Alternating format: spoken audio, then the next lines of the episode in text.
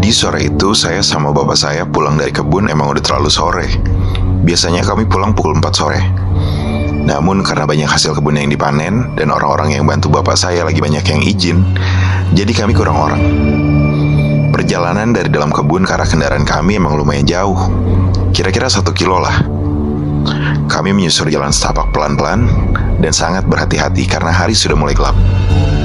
Lampu senter yang kami bawa pastinya nggak akan cukup untuk menerangi kegelapan di dalam kebun. Samar-samar saya dengar suara orang bersiul. Saya pikir itu pegawai bapak saya, jadi saya nggak terlalu menghiraukan. Lama kami berjalan, suara siulan itu kedengaran lagi. Akhirnya saya tanya bapak saya yang ada di depan saya. Tapi bapak saya cuma bilang dia nggak dengar sama sekali suara siul. Dia cuma dengar suara langkah kami. Jalan pelan-pelan di jalan setapak, samar-samar lagi saya dengar suara keramaian. Padahal di kebun itu sama sekali nggak bakal ada orang yang mau datang malam-malam. Kalau ada pekerja yang nggak sengaja ninggalin barang bawaan, ya paling dibiarin aja karena nggak akan ada yang berani ngambil. Ini gue nggak ngerti nih maksudnya apa, tapi mungkin kayak gini ya. Karena di sini beberapa hewan buas suka mulai muncul. Apalagi babi hutan di sini. Beberapa kali kami suka melihat hewan itu lewat di kebun ini. Bapak bilang sama saya, Randi, cepat keburu malam. Jangan dikit-dikit berhenti. Gak jauh dari tempat saya berdiri, kira-kira 10 meter. Di situ tempat kendaraan kami terparkir. Saya izin sebentar sama bapak saya karena gak kuat nahan kencing. Karena perjalanan ke rumah bisa makan waktu satu jam. Bapak ingetin saya buat bilang permisi, katanya biar terdengar lebih sopan. Saya langsung buru-buru agak menjauh dan cari pohon yang lumayan gede. Pas sudah selesai, eh baru ingat saya lupa bilang permisi.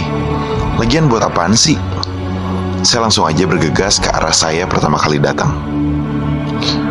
Perlahan saya jalan, perasaan saya mulai nggak enak. Kayaknya tadi pas pergi nggak begitu jauh.